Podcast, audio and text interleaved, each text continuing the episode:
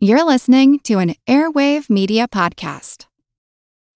When you need mealtime inspiration, it's worth shopping Kroger, where you'll find over 30,000 mouthwatering choices that excite your inner foodie. And no matter what tasty choice you make, you'll enjoy our everyday low prices, plus extra ways to save, like digital coupons worth over $600 each week. You can also save up to $1 off per gallon at the pump with fuel points. More savings and more inspiring flavors make shopping Kroger worth it every time. Kroger, fresh for everyone. Fuel restrictions apply.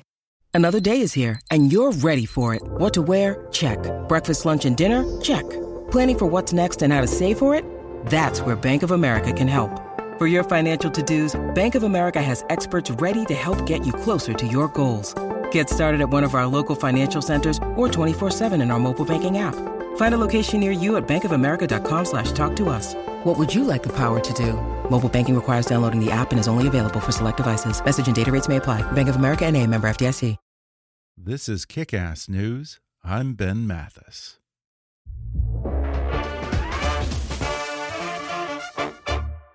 We've all experienced it, those moments when it seems like you can't lose.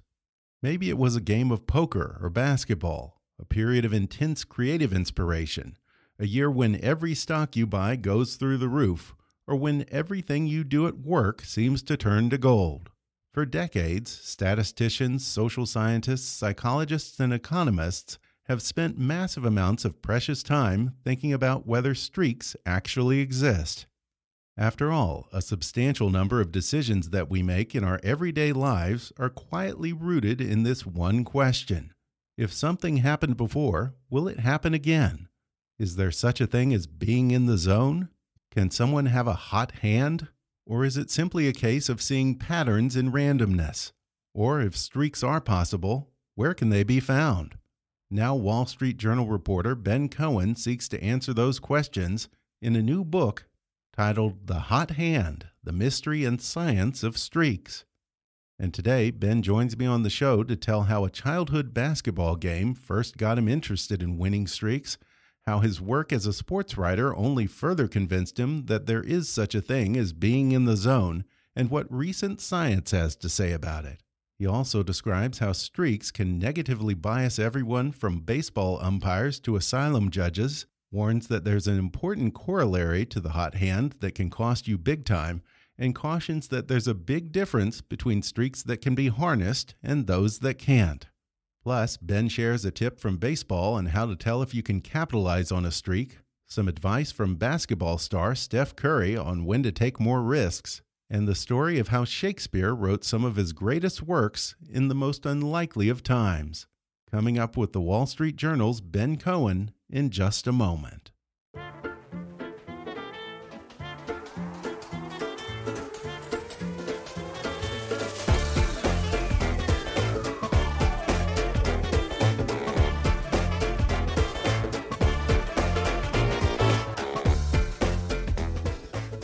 Ben Cohen is a sports reporter for the Wall Street Journal, where he writes about the NBA, the Olympics, and other topics. Now he's written his first book titled The Hot Hand The Mystery and Science of Streaks.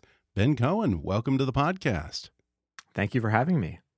Well, Ben, I just mentioned that you're a sports writer, and I guess one of the most obvious examples of a hot hand comes from sports when, say, a baseball player or some other athlete gets on a hot streak and racks up win after win, or the opposite. They can always get stuck in a losing streak, I suppose.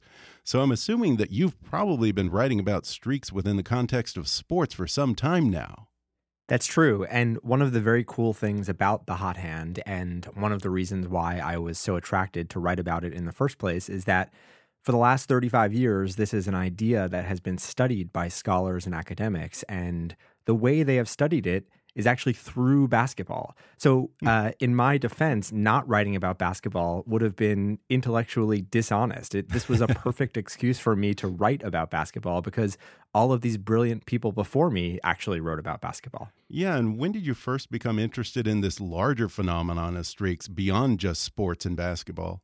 The first time was probably when I felt it for the first time, which was when I was in high school. I was a, a terrible basketball player, is really the only fair way to put it. And yet, there was one day, my sophomore year of high school, playing for an awful junior varsity basketball team, when I scored 16 points in one quarter. It was more points than I'd scored in, I think, my entire basketball career combined. I still don't really understand what happened that day, but I have this very clear vision of this very strange event in my life. And what I've found since writing this book is that it actually wasn't all that strange because I think we all have uh, feelings about the hot hand. We're all familiar with with those times in our lives when we feel like we can't miss. However, when it, the first time I really thought about that this could be a book was I had written a few stories about the hot hand for the Wall Street Journal a few years ago, and usually what happens after I write a story is that I just don't want to think about that topic anymore. I've thought about it so much that I'm sick of it. But the opposite kind of happened here. I wasn't exhausted. I was kind of invigorated. Um. I just, I, it just on a pure story level, the idea of the hot hand was so alluring to me um, that I wanted to keep going with it. And the study of streaks is a relatively recent thing. In fact, I think the first widely published study didn't take place until the 80s. And that first study essentially debunked the idea of a hot hand. It concluded that streaks were nothing more than cognitive bias. But then apparently you say no one wanted to believe it, which has opened it up to further study. So, what is the most recent scientific thinking on streaks, or is it still mixed? Well, as you said, this whole thing started in the 80s with the first classic study of the hot hand. And what made it such a classic was the counterintuitive conclusion, which is that there is no such thing as a hot hand, right? It doesn't exist. It was this very accessible, digestible, easy to understand example of seeing patterns in randomness. It was our minds playing tricks on us. Mm-hmm. Um, but as you said, this was so unbelievable that that people just refused to believe it. We'd all felt the hot hand and we'd seen the hot hand, and now there were some professors coming along telling us that there was no such thing, and it really caused quite a stir for an academic paper. But what's changed in recent years, and really this is why I wrote the book, is that there is this new evidence that has come along and suggested that uh, our intuition may have been right all along. And th- this new evidence is powered by new data and new ways of thinking about it. Uh, there was a big study in 2014 and 2015 that suggests that we may have been thinking about the hot hand wrong for the last 35 mm-hmm. years. Now, that doesn't mean that like the hot hand always exists. I think uh, to think about it, uh, it doesn't mean the hot hand always exists. It means that in some cases it might. And when it might, we might be able to take advantage. And I think that you say that scientists now believe that, at least uh, from a creative sense, our best work usually comes in bunches, which would sort of suggest that creative types should probably churn out more work after they have a successful project. How does that work? Is it all psychological or is success self reinforcing? I think that's one of the great mysteries about the hot hand still. And I think that's mm-hmm. part of the fun of playing around with the idea for ourselves and figuring out where we land on it. But the science of streaks is actually uh, the science of streaks that you refer to in terms of uh, creativity over the course of a career is this sub branch in, in this field of hot hand studies. And there was a professor named Dashun Wang who looked at movie directors, artists, and scientists. And he found objective ways of measuring their best work. And what he found was really fascinating. He found that a lot of their best work comes in bunches. So that if you were to know what your best work was, what your highest rated movie was, what your art that sold for the most was, he could probably point to your second and third best work because that's how creativity works. It's clustered. Uh, and and those times in our lives when we do have the hot hand, those hot hand periods, they tend to define our careers. Uh, yeah, it makes me think of the year that Steven Spielberg had the top box office grosser, Jurassic Park, and the big Oscar win with uh, Schindler's List. Now, the term hot hand most immediately brings to mind card games like poker or blackjack. Is there such a thing as a hot hand in gambling? Isn't it all just chance? That's right, and that's what makes it so interesting. I, there's a corollary of the hot hand that psychologists call the gambler's fallacy. And the way I like to think about the gambler's fallacy is actually through basketball. So uh, if you allow me to say, like, if you're in an arena and you watch Stephen Curry make three shots in a row, everybody in the arena thinks that he's making a fourth shot, right? That's mm. what we've been conditioned to believe. That's what research has shown. Everyone thinks he's making a fourth shot. However, if you walk into a casino and you walk up to a roulette wheel and you see the roulette wheel land on red three times in a row, what research has shown is that most people will bet on black the fourth time. And the crucial distinction there is of control. When we feel that we are in control, we think that a hot hand is possible. But when we understand that it's out of our control, we actually feel the opposite way. We bet on black instead of betting on red. And hmm. the difference there is between what I like to think of as skilled performance and random performance. Mm-hmm. Skilled is when we can take advantage, and random is when we're at the mercy of chance. And the smartest thing you can do is not bet on the hot hand. Mm -hmm. So when you have a game that is purely chance, no possibility of having a, a statistical or strategic advantage in it, basically you have the same odds every hand, right? Yeah, and it's silly. I mean, yeah, and maybe you will uh, get a hot hand and maybe maybe the roulette wheel will spin your way a few times in a row mm-hmm. but that's not because of anything you're doing right it's mm-hmm. just because you're lucky that night and you know las vegas takes advantage of this we sure. want to be lucky and and we tend to think that we should be lucky and we bet our money accordingly and that's why there are a whole lot of casinos standing in the desert. and applying this more broadly, is there very much difference between the gambler's fallacy and the sunk cost fallacy? Isn't it just another way of chasing a loss or throwing good money after bad, whether it's making bad investments or chasing a bad relationship? That's interesting. I've never thought about it that way, but I think that you're probably right. Yeah. Hmm. I mean, I think the lesson here is maybe just don't spend your money gambling on a roulette wheel, right? Regardless of whether it's the gambler's fallacy or the sunk right. cost fallacy or the hot hand fallacy, you're probably better off uh, saving your money and like dumping it into the nearest index fund, essentially. okay. Now, you explain in the book that streaks can unfairly bias everyone from baseball umpires to judges. Do you think that the gambler's fallacy might be responsible for more than a few bad calls in life? Yeah, so the people who study decision making uh, have actually looked at the hot hand and the gambler's fallacy to see how our minds play tricks on us and what the human consequences of those fallacies can be. So there was one brilliant paper uh, led by an economist named Toby Moskowitz a few years ago that looked at gambler's fallacy in the decision making of people in authority positions. So the first group of people that he looked at were baseball umpires.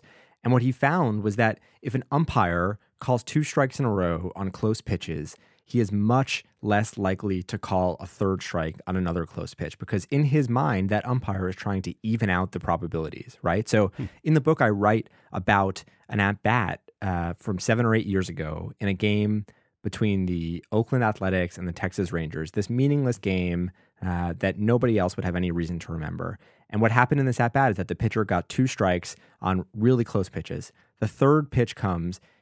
Radar tracking in the stadium shows later that it is a strike, right? It's a really close pitch, but it's a strike.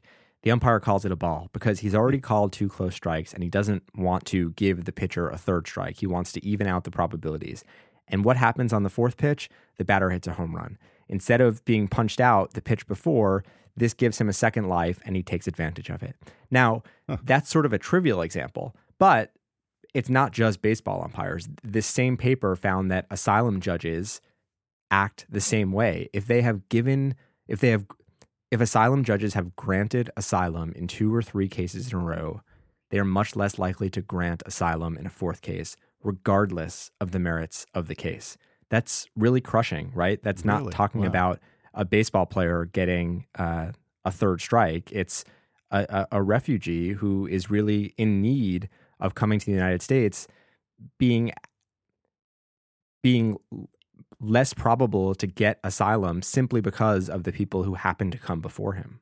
Yeah, and I have to imagine that there's also an outside force playing on those umpires and judges because, you know, an umpire has people in the crowd yelling at him if he's calling strikes one after another or, you know, maybe a judge doesn't want to be perceived as being too soft if he grants, you know, one after another asylum. Right. A baseball umpire goes to work with 50,000 people screaming at him, right? Forget yeah. about the people in the batter's box or on the pitcher's mound or in the dugouts who think that every call he makes is wrong. And an, an asylum judge really does not want to uh, risk provoking the wrath of bureaucracy. It, right. It's safer to say no, right? It's safer to, um, to, to, to not grant asylum, even if uh, that refugee is deserving, and uh, and that's what we see happen um, in an alarming number of cases. And I could also see how this could probably be a problem in education. Do teachers sometimes have biases when they're just grading one paper after another? And what's the best way to avoid that? Of course, if if if you happen to grade two papers in a row that are great, right? That are the best papers that you've read all day and you give them an A plus. The third paper that you read probably is not going to read all that great, even if it's an A or an A minus, right? Mm-hmm. You might be more likely to give it a B or a B plus just because of the papers that came before. So, what this professor who ran this study about baseball umpires and asylum judges did is that he actually took a behavioral tweak that uh, that he thought about while writing this paper and he applied it to his own life. He now gives out his papers to his teaching assistants and he shuffles the order in which they read them to ensure that they are not prone to the very bias that he wrote about. Now, ideally, in a perfect world, asylum judges might do the same thing, right? But mm. but they are so backloaded with cases. It is in such a crisis mode right now that it's not possible. In a classroom, maybe it is. In the asylum court, not so much right now. Interesting. And I think that you say that managers should also keep this in mind when reviewing job applications. I, I, I do think that. I think it's it's actually similar to the professor who is grading exams, right? You want to hire the best person, and uh, you want to hire the best person regardless of the application you read beforehand or after uh, a certain application. So mm-hmm. read them twice, read them in a different order. Try to to see these applications in a new light, and you might see something that you hadn't seen before. We're going to take a quick break, and then I'll be back with more when we come back in just a minute.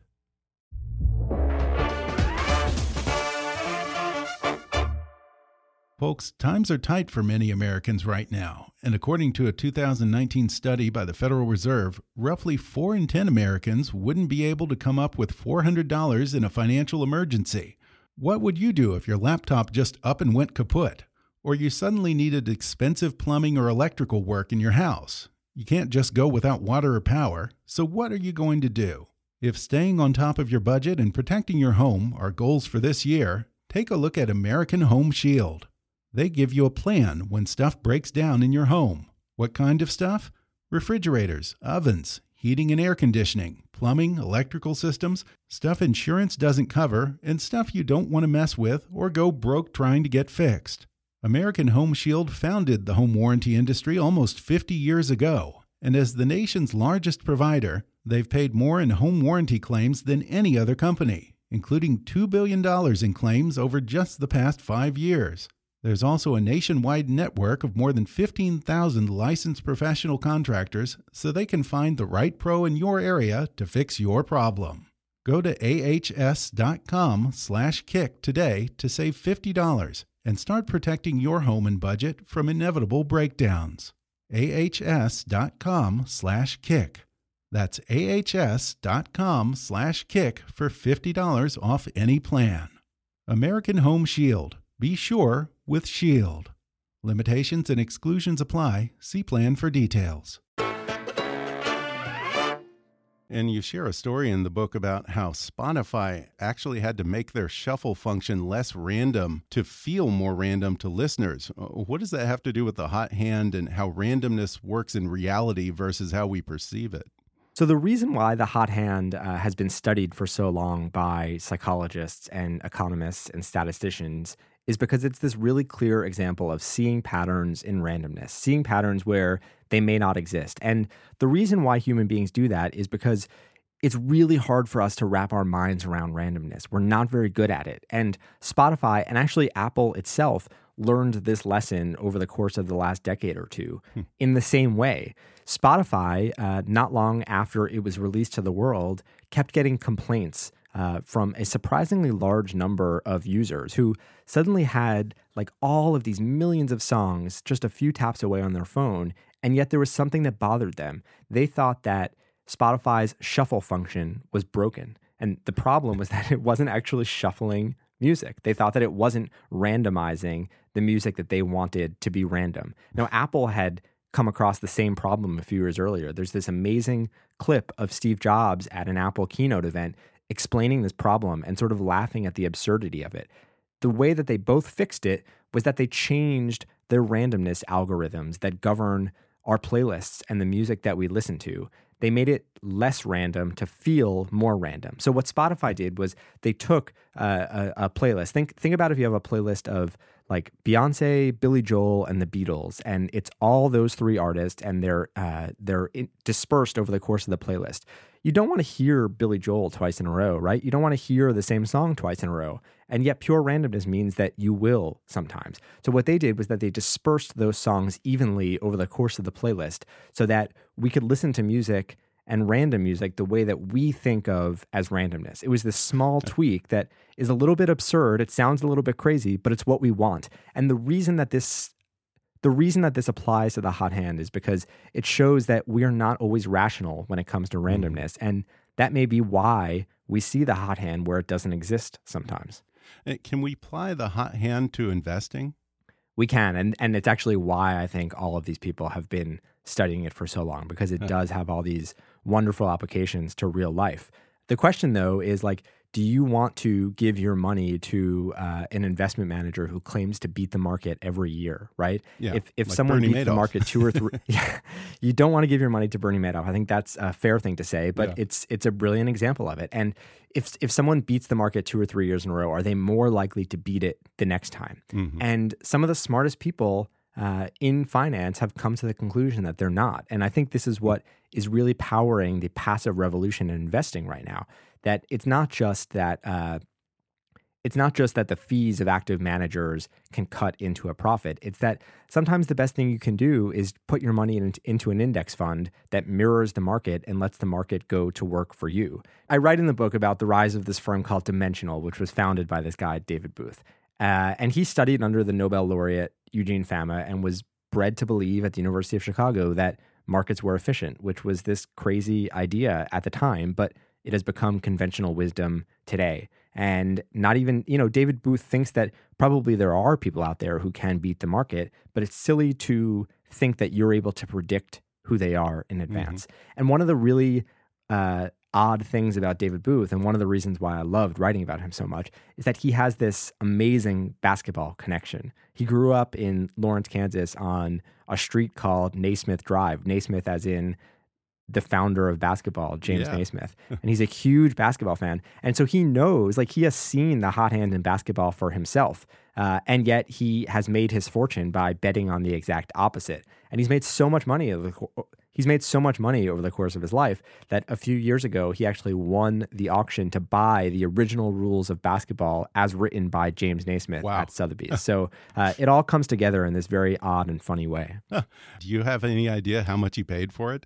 I do. Uh, I think it was like three million dollars. Wow. Um, it's it it cost a lot of money. He donated them to the University of Kansas afterwards, and he beat a guy named David Rubenstein, who uh, I think most people know as this billionaire who has bought like essentially every historical artifact. Not quite, but it sometimes feels that way, like Sure. Constitutions yeah, I've and. Magna Cartas and Declarations of Independence. I mean, everything. I think he once described his strategy as "I buy everything." But this one thing he couldn't buy. He was beat in this auction, and Wow. he he it was a blind auction. he he didn't know exactly who it was, but he could tell when it kept going when the price kept going higher and higher that he was not going to win this auction. The other mm-hmm. guy on the other side of the auction wanted this thing so badly that he just let him have it. And that mm-hmm. guy was David Booth. Yeah. And this is just one example of how you go beyond the science of streaks to tell these personal stories of people whose lives have been transformed by the hot hand. Do you have a favorite case study?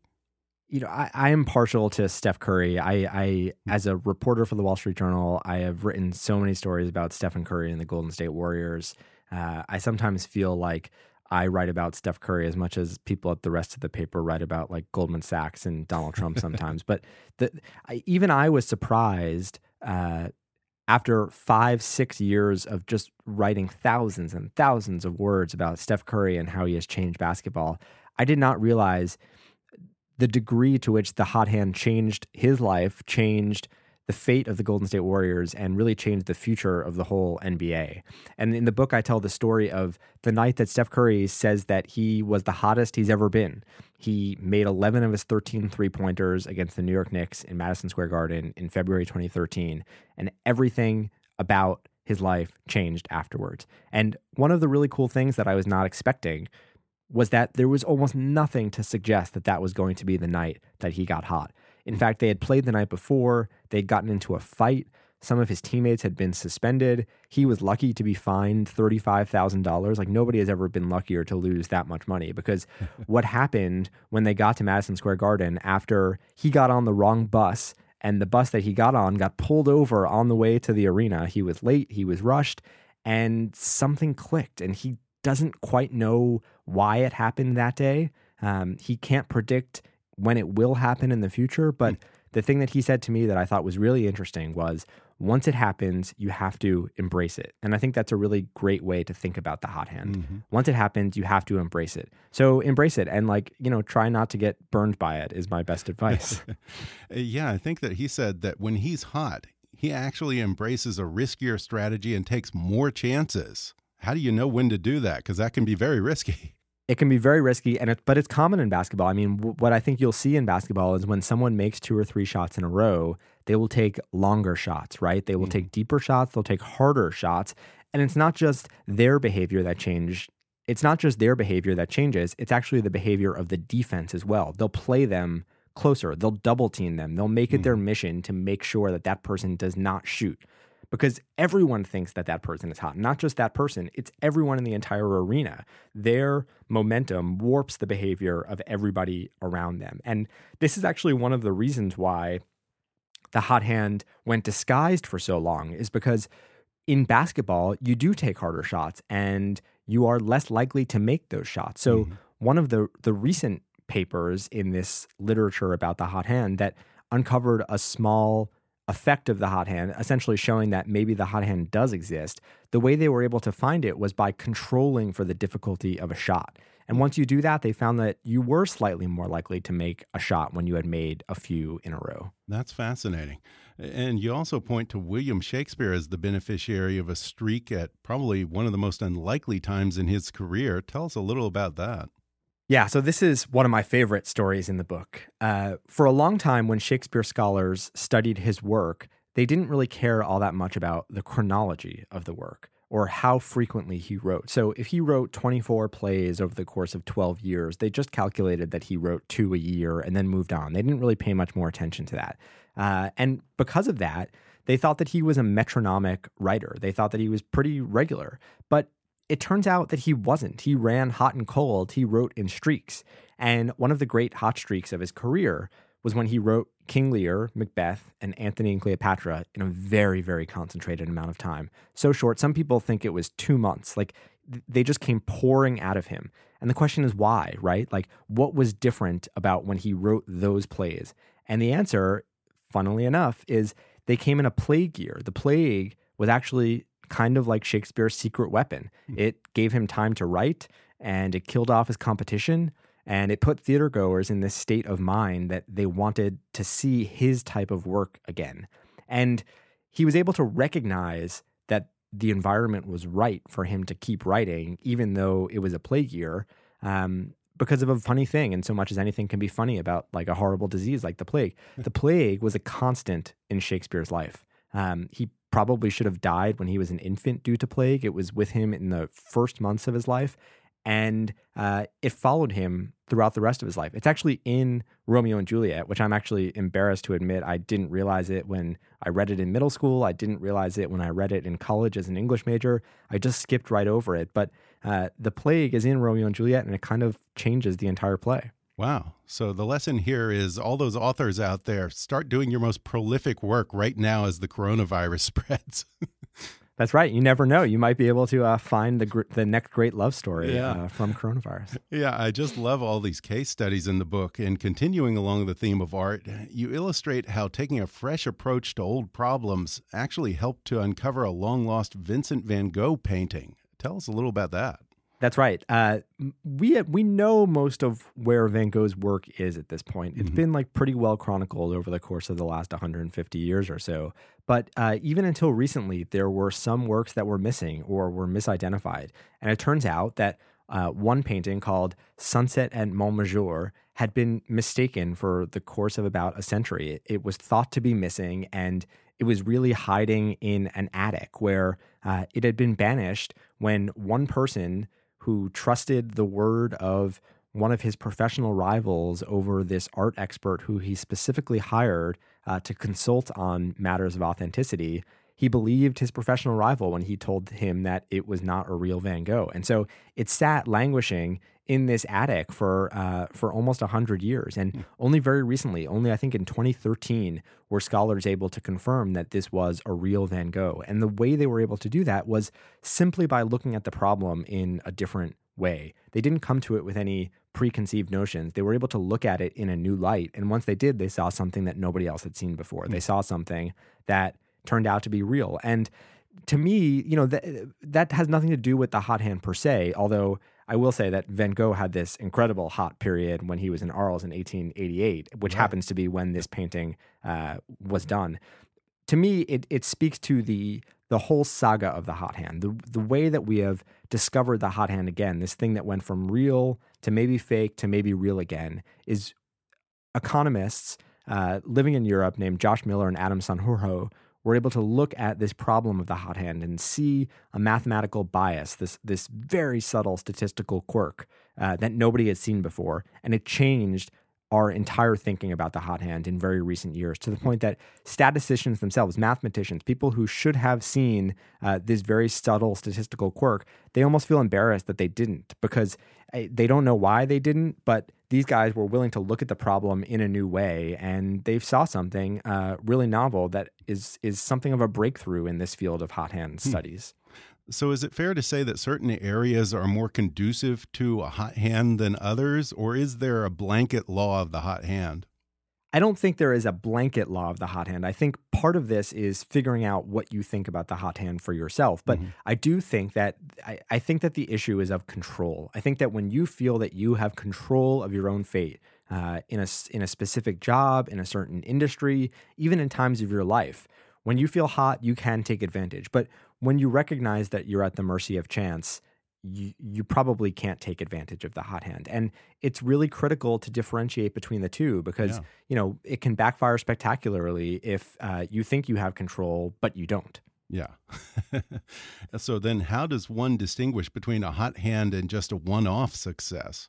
I I think that's like the fun of the whole thing, and I, am still not quite sure myself, even after thinking about this for the last you know four or five years. I mean, I there are times in my life when like writing, I I think that sometimes I have control when I am writing a story, right, or if mm. I'm reporting a story. But you know, sometimes also news breaks, and the story that I'm writing just seems impossibly trivial. So um, I think that is why uh, we're so compelled by this idea. We're so captivated by it because there are no definitive answers. They keep changing over the course of our life, and we want to know more because you know we all remember our brushes with the hot hand. Mm. It's one of the reasons why uh, the first paper about the hot hand um, was so alluring was that it was telling us something that just seemed like it couldn't be true. Like we all know what it feels like to have the hot hand. So, um, and we're all chasing that feeling always, right? I'm still doing it. If if if I played basketball anymore, I'm sure I would play basketball, assuming that one day again I would feel that rush of having the hot hand, even though I know I probably wouldn't. I'm terrible about basketball.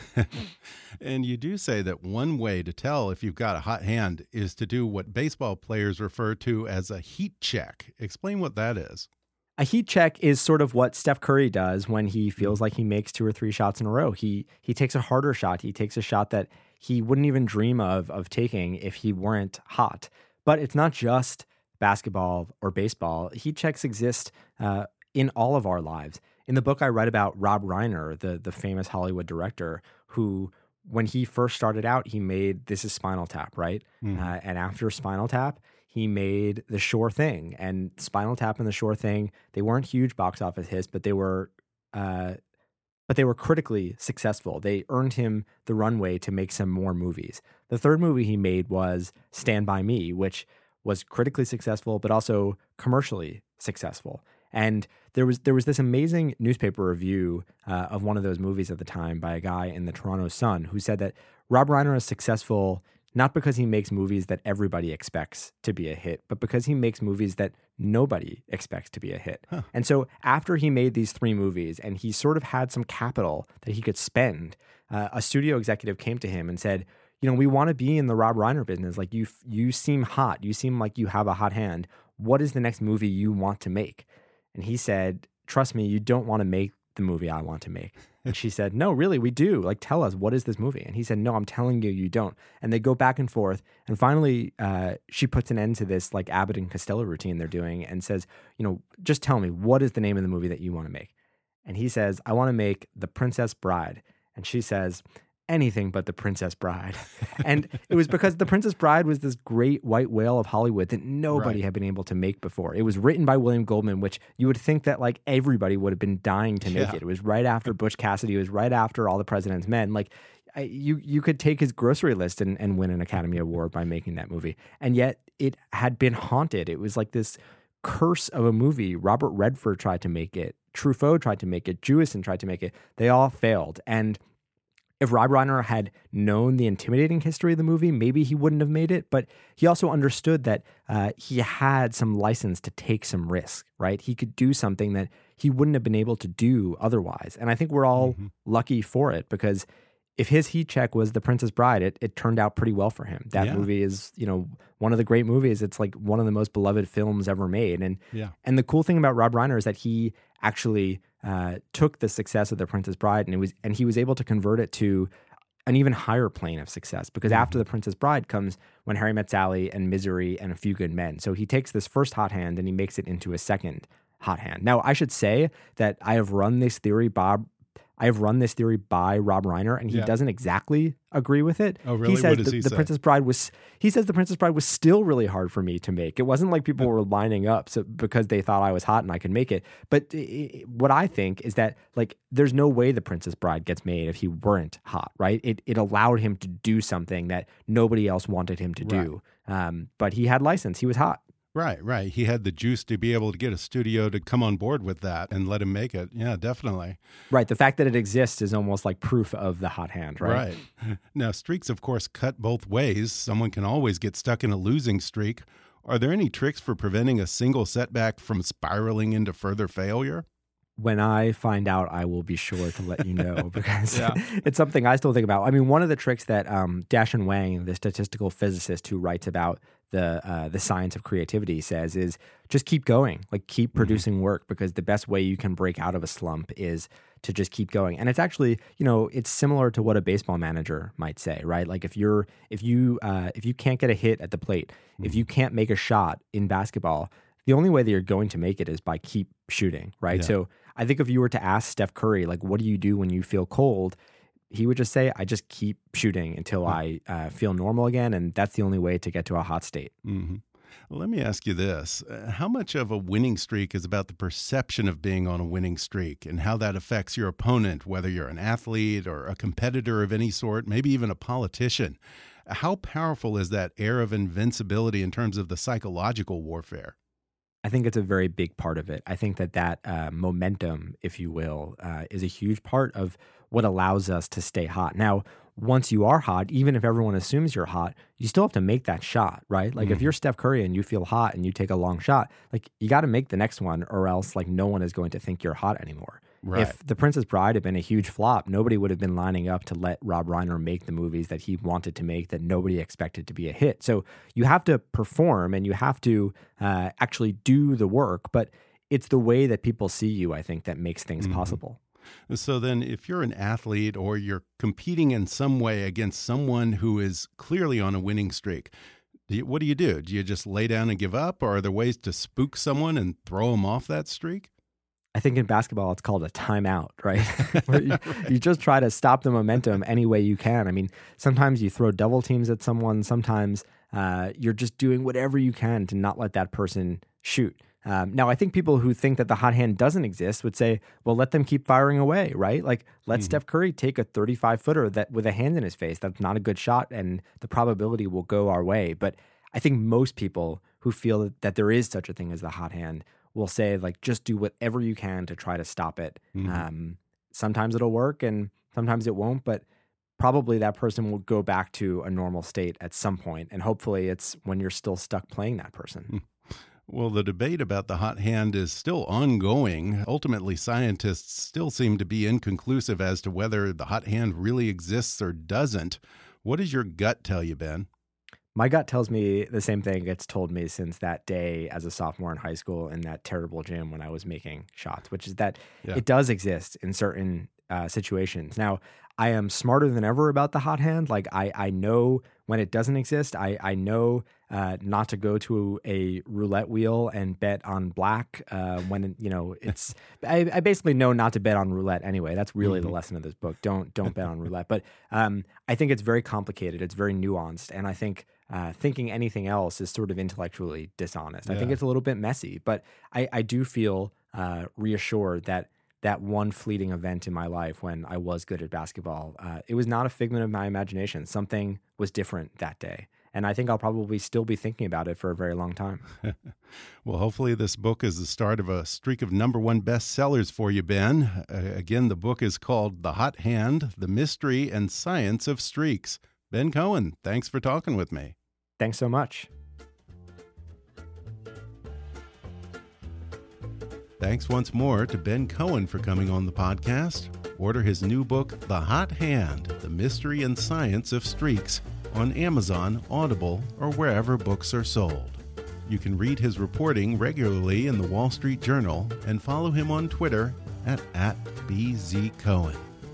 What would you do if your computer broke down and wasn't covered by warranty? Or you suddenly needed electrical work in your house? Do you have enough saved up to take care of sudden emergency expenses like those? American Home Shield, America's preferred home warranty, gives you a plan when stuff breaks down in your home, stuff insurance doesn't cover, and stuff you don't want to mess with or go broke trying to get fixed. Go to ahs.com slash kick today to save $50 and start protecting your home and budget from inevitable breakdowns. That's ahs.com slash kick for $50 off any plan. American Home Shield. Be sure with Shield. Limitations and exclusions apply. See plan for details. If you enjoyed today's podcast, be sure to subscribe to us on Apple Podcasts and rate and review us while you're there. Five star ratings and detailed reviews are one of the best ways for new listeners to discover the show. You can also follow us on Facebook or on Twitter at, at KickassNewsPod and recommend us to your friends on your social media. For more fun stuff, visit kickassnews.com, and I welcome your comments, questions, and suggestions at comments at kickassnews.com. For now, I'm Ben Mathis, and thanks for listening to Kickass News.